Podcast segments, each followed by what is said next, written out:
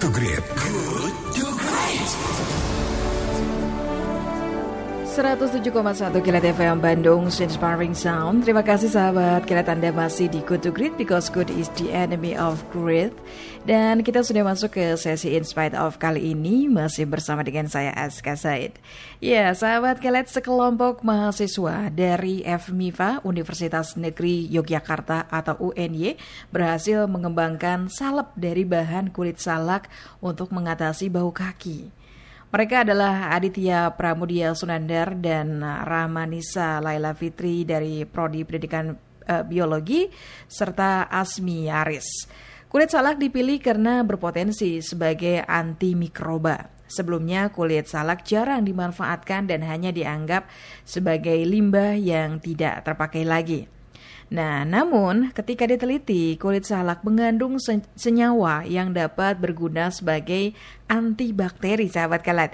Dari hasil uji uh, fitokimia menunjukkan daging dan kulit uh, buah salak mengandung senyawa flavonoid, tanin, dan alkaloid.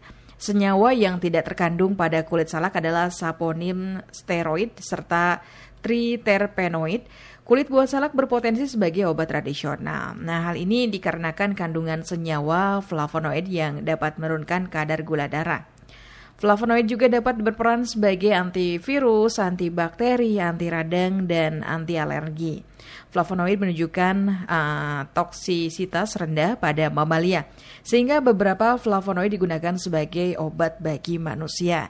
Seperti apa perbincangannya? Kita sudah tersambung bersama dengan Asmi Aris via telepon di Inspite of kali ini.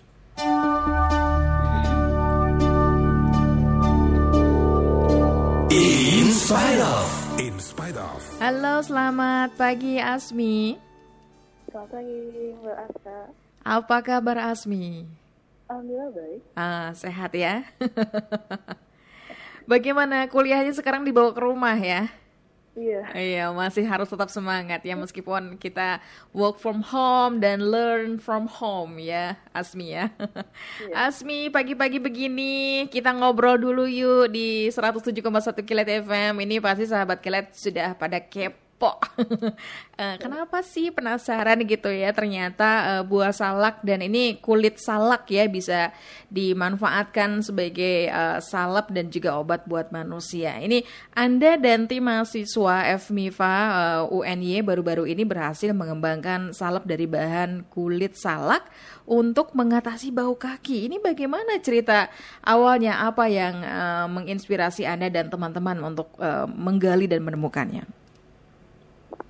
Untuk awal pertama kalinya sendiri itu dari saya pribadi. Misalnya kita kan anak kuliah kan nggak kenal waktu malam sore, terus ya sampai eh, nggak uh, menjaga kebersihan kaki, apalagi kalau udah kembali ke kos, makanya itu merasa risih sendiri pecah-pecah. Jadi sedangkan dulu tuh nggak berada di rumah, uh-huh. terus berpikir kalau misalnya ada deodoran ketiak, apa mungkin kaki bisa ya kayak gitu. Terus uh, habis itu berbincang diskusi sama teman kita ikut program kreativitas mahasiswa itu hmm. PKM dari Kemenristek Dikti dulunya. Sekarang Kemendikbud.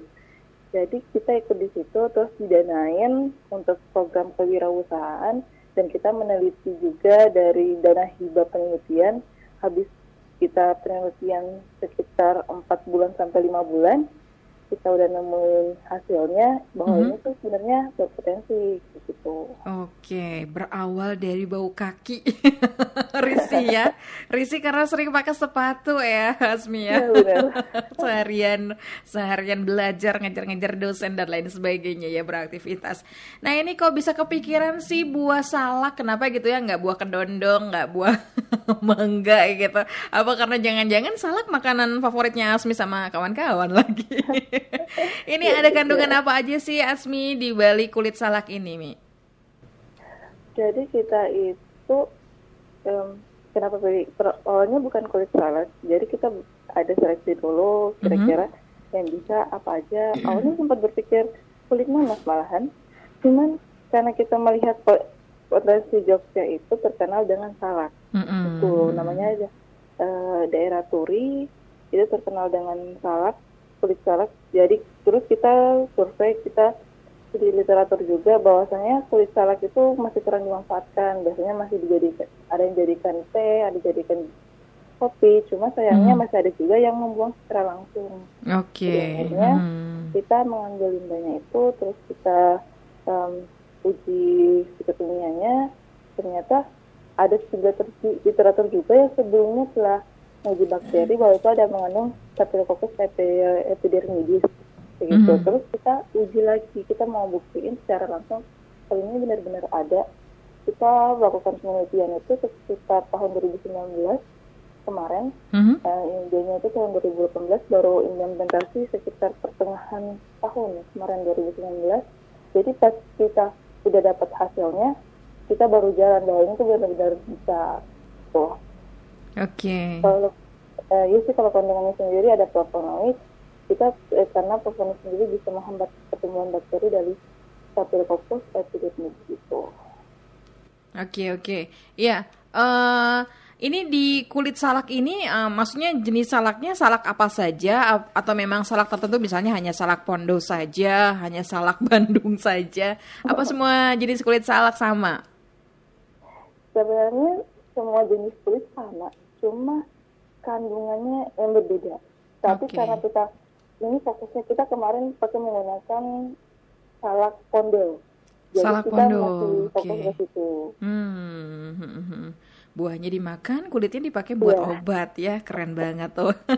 Ini Mi tepatnya butuh uh, berapa lama sih riset dan eksperimen yang uh, dilakukan sama Asmi dan teman-teman hingga menjadi produk jadi? Ini berapa lama tepatnya? Riset awal itu tak uh, September 2018. Mm -hmm. Uh, penelitiannya itu dimulai sekitar bulan uh, Januari sampai April, implementasinya baru sekitar bulan Mei ini tahun 2019 itu sekitar hampir tahun dah sekitar lima bulan lebih Oke. Okay. Tapi kalau untuk penelitiannya lima bulan. Lima bulanan ya untuk penelitiannya ya. Oke. Nah ini sudah diproduksi secara massal kah atau kalian sudah bikin merek atau sudah diproduksi banyak dan disebarkan ke masyarakat? Uh, udah jadi ini tuh sebenarnya karena kita penelitian terus ke PKM kewirausahaan mm-hmm. sudah jadi bisnis. Kita okay. juga kemarin ikut uh, lomba di Batam itu diadain sama Kemendikbud yang program kreatif program kewirausahaan mahasiswa Indonesia. Mm-hmm. Jadi kita dapat juara juga di sana. Udah sekitar 1.500an pieces yang kita jual. Wow, banyak uh, juga. Namanya ya? mereknya itu Kadeo. Namanya itu Kadeo C Kadeo iya Kadeo okay. jadi ada di Instagram kayak gitu hmm. cuma karena sekarang lagi pandemi kan nggak dibutuhin jadi kita tunggu dulu di stop dulu produksinya ya. Oke, ini lumayan juga buat penghasilan tambahan buat jajan ya, uang saku anak mahasiswa. Iya. Nah ini sejauh ini uh, pemasarannya sudah ke mana aja sih ini sebelum kema kemarin corona ini sudah kan tadi sekitar berapa 1.500an ya? Iya. Uh, itu sudah didistribusikan ke mana saja? Kita udah sampai sekitar lima delapan provinsi kalau nggak salah soalnya karena kita ada yang di Sumatera, ada yang di Sulawesi, ada juga Jakarta, tapi kita lebih fokus ke yang paling banyak itu di Jogja karena selain supplier yang kita mengambil bahan, mm -hmm. kita punya reseller. Reseller oh. itu biasa meng memesan hmm. sampai 200 300 cc jadi mereka menjual di tokonya terus memasang lagi kita stoknya oke oke okay. oke okay, kreatif banget ini hebat ini bikin penelitian dan akhirnya menghasilkan pundi-pundi ya ini pasti orang tua kalian bangga banget ini. Nah yang terakhir nih Asmi, ini uh, harapan uh, Asmi dan kawan-kawan yang sejauh ini sudah ber, sudah bareng-bareng menciptakan uh, inovasi yang sangat luar biasa. Ini harapan ke depannya apa sih dengan temuan ini? Harapan ke depannya karena kita semua sebenarnya sama 2017 dan tahun depan insya Allah kita semua lulus. Jadi kita harapannya setelah itu kita bisa memproduksi lagi, mengembangkan lagi penelitiannya, ada juga administrasi yang kita belum lengkap seperti BPOM kalau pajak sendiri kita udah B, kita udah didanain sama Kemenpora Jogja. Mm-hmm. uh, untuk wirausaha mikro. Cuma kita masih evaluasi lagi karena tapi karena kondisi sekarang karena kesibukan kuliah juga jadi kita harapannya setelah kita udah sibuk kita bisa mengang, um, benar-benar membuat gitu dan nanti istilahnya kita bisa menambah inovasi baru dan kita bisa menyebarluaskan untuk penjualannya juga. Amin. Terima kasih Asmi sudah mau ngobrol bareng kami di sini dan juga sahabat K-Light. Sukses buat kamu dan kawan-kawan ya. Ya, terima kasih. Selamat pagi. Selamat pagi.